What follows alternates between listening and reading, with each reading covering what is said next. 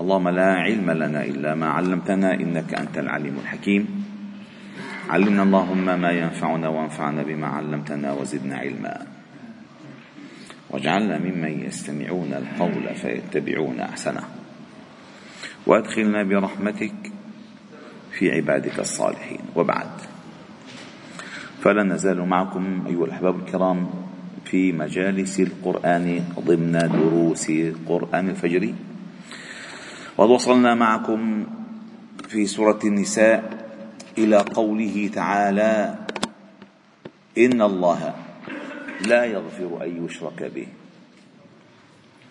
ويغفر ما دون ذلك لمن يشاء ومن يشرك بالله فقد افترى إثما عظيما وقلنا أن هذه الآية هي قاعدة في الذنوب بأن هي التي أصلت الذنوب قسمت الذنوب إلى ذنوب ذنوب يمكن يمكن أن يغفرها الله وذنوب لا يمكن أن تغفر. الحمد لله فالذنوب التي لا يمكن أن تغفر هي أن تجعل لله ندا وهو خلقك. أعظم الذنب كما قال النبي صلى الله عليه وسلم أن تجعل لله ندا وهو خلقك. هو خلقك هو أوجدك. عند غيره. هذا أعظم الذنب. وقلنا أن الكفر شرك والشرك كفر. كلاهما بالمعاني متداخلين أو متداخلان والله جل جلاله من يشرك به فقد حرم الله عليه الجنة. فما تكون هيك يعني قلبك إنه معقول طيب آدم كثير مثل لما ماتت من فترة وحدة من النصارى اسمها أم تيريز. لك في ناس لك زعلوا عليها إنه معقول الله يعذبها. بالدنيا أخذت أجرها سناء من الناس. أما قوانين الآخرة عند الله ما عند الناس. عند الله ما عند الناس. ولما كانت أمنا عائشة رضي الله تعالى عنها تذكر عبد الله بن جدعان وهو من أكرم العرب. كان يضع القدور الضخمة حتى يطعم الناس. فقال النبي صلى الله عليه وسلم إنه كان لا يؤمن بالله العظيم. يعني أخذ ثناءه في الدنيا. فنحن ما ندخل أنفسنا في قوانين الله في الآخرة. أبدا. أنه الله بيرحمه الله بيغفر له. لا لا لا. إنه من يشرك بالله فقد حرم الله عليه الجنة. خلص ده الموضوع. لن يدخل الجنة أحد في شرك. لك أخطر من هيك لا يدخل الجنة من كان في قلبه مثقال ذرة من كبر. كبر. الكبر المقصود التعالي على الحق. لأن الجنة للطيبين. الجنة لمن عاشوا في الدنيا سلام. فيقال لهم طبتم فادخلوها خالدين. سلام عليكم. طبتم فادخلوها خالدين. أما من كان في قلبه كبر وهو المعصية التي عصى الله عصى الله تعالى بها إبليس فاهبط منها فما يكون لك أن تتكبر فيها. فلن يدخل الجنة أحد فيه. كبر مثقال ذرة ذرة من كبر. وكذلك في في المقابل لن يبقى في النار من في قلبه مثقال ذرة من خير. هذا بالمقابل. فالله الله هو الذي يقضي بين الناس. يقضي ولا يقضى عليه. يحكم لا معقب لحكمه. يقول الحق وهو يهدي السبيل. فماذا دخل نفسه بالموضوع؟ إن الله لا يغفر أن يشرك به ويغفر. فلا يغفر ما جعله ويغفر ما جعله. أنت لا تتدخل. أنت احرص على أن تكون من الصفة التي يمكن أن يغفرها الله لك. بس. فإذا الشرك مانع بكل أشكاله من دخول الجنة. وما سوى ذلك يدخل في مشيئة الله. وحسن ظننا بالله أنه يغفرها. كلها ولا تتعاظم عليه. كلها كلها ولا تتعاظم عليه. ثم قال ومن يشرك بالله فقد افترى اسما عظيما. يعني أعظم الاسم هو هو الشرك بالله. ثم قال ألم تر إلى الذين يزكون أنفسهم؟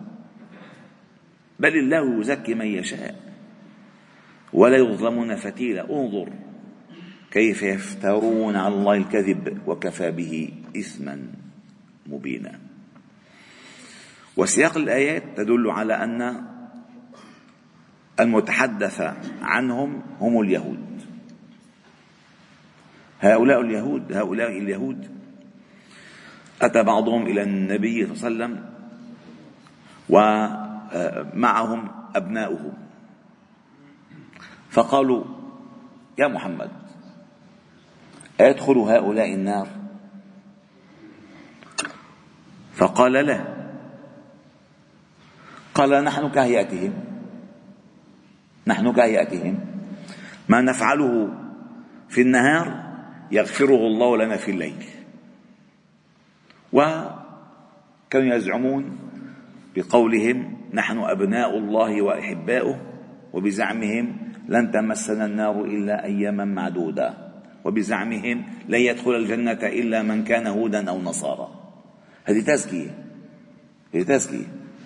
فعندما قالوا لن يدخل الجنة إلا من كان هودا أو نصارى رد الله تعالى عليهم فقال بلى من أسلم وجهه لله وهو محسن فله أجره عند ربه ولا خوف عليهم ولا هم يحزنون. تلك أمانيهم. تلك أمانيهم. فلا ينبغي للإنسان أن يزكي نفسه أبدا. والتزكية أيها الأحباب الكرام بأن يرى عمله يرى عمله ولا وينسى الموفق لعمله. ينسى من يسر له أسباب هذا هذا العمل. أنا اللي عملت. أنت ما عملت. لو لم يخلق لو لم لو لم يخلق الله تعالى لك لسانا ما نطقت بخير. لو لم يخلق الله تعالى لك يدين ما دفعت خير. لو لم يخلق الله تعالى لك قدمين ما سعيت إلى خير. فأنت ما فعلت شيء. أنت ما فعلت شيء. فلا تزكي أنفسك نفسك. فلا تزك أنفسكم. والله نحن أبناء المشايخ ونحن كان أبي هيك وكان جدي هيك ونحن طول عمرنا هيك. هذه تزكية تزكية لذلك مرة النبي صلى الله عليه وسلم دخل أحد إليه فمدح. فقال قطعتم ظهر صاحبكم. قطعتم ظهر صاحبكم. إن كان لابد فقولوا حسبه الله ولا نزكيه على الله. حسبه الله ولا نزكيه على الله. ولكن حسبه الله. لا نظن, لا نظن فيه إلا خيرا ولا نزكي الله. فأما أنه نعمل شهادات للناس هذا لا يصح. مع أنه صلى الله عليه يعني زكى بعض أصحابه ولكن هو هو أدرى بالمسألة. والتزكية يا أيها الأحبة الكرام أولا لما الله قال قال ولا تظلمون قبل منسان ولا تظلمون فتيلا. الفتيل مشان تعرف أن الله تعالى يعني لا يمكن أن يظلم أحدا. إن الله لا يظلم مثقال ذرة. الفتيل هلا جاي رمضان بعد خمسين يوم إن شاء الله تعالى. الله بلغنا رمضان. لما الناس بياكلوا تمرة بفضل العجوة. العجوة هذه العجوة آه، بتحسها مثل فلقتين مضبوبين على بعض. بنى الفلقتين في خيط. هذا اسمه الفتيل. هذا شو اسمه؟ الفتيل. وحول العجوة في غشاء رقيق. هذا اسمه القطمير. وعلى رأس العجوة في بزبوزة صغيرة هذا اسمه النقير. هذا اسمه النقير. الله لا يظلم فتيلة ولا يظلم نقيرة وهؤلاء الكل ما يدعون من دون الله ما يملكون من قطمير. مشان دائما الإنسان لا ليش خاطب العرب؟ لأن يعرفونها. بيأكلوا بيأكلوا التمرة والعجوة بتضل بإيدهم. فبيشوفوها فاذا هذا الفتيل هذا القطمير هذا النقير الله لا يظلم. لا يظلم فتيلا ولا يظلم نقيرا قطميرا ولا يظلم نقيرا ابدا. وهؤلاء أعداء الله ما يدعون من دون الله لا يملكون من قطمير. لا يملكون شيئا. فقال فالتزكية أيها الأحباب الكرام لا ينبغي أن تكون للمسلم لأنه تؤدي إلى العجب. والعجب يحبط العمل. بيجي عند أبو عزام.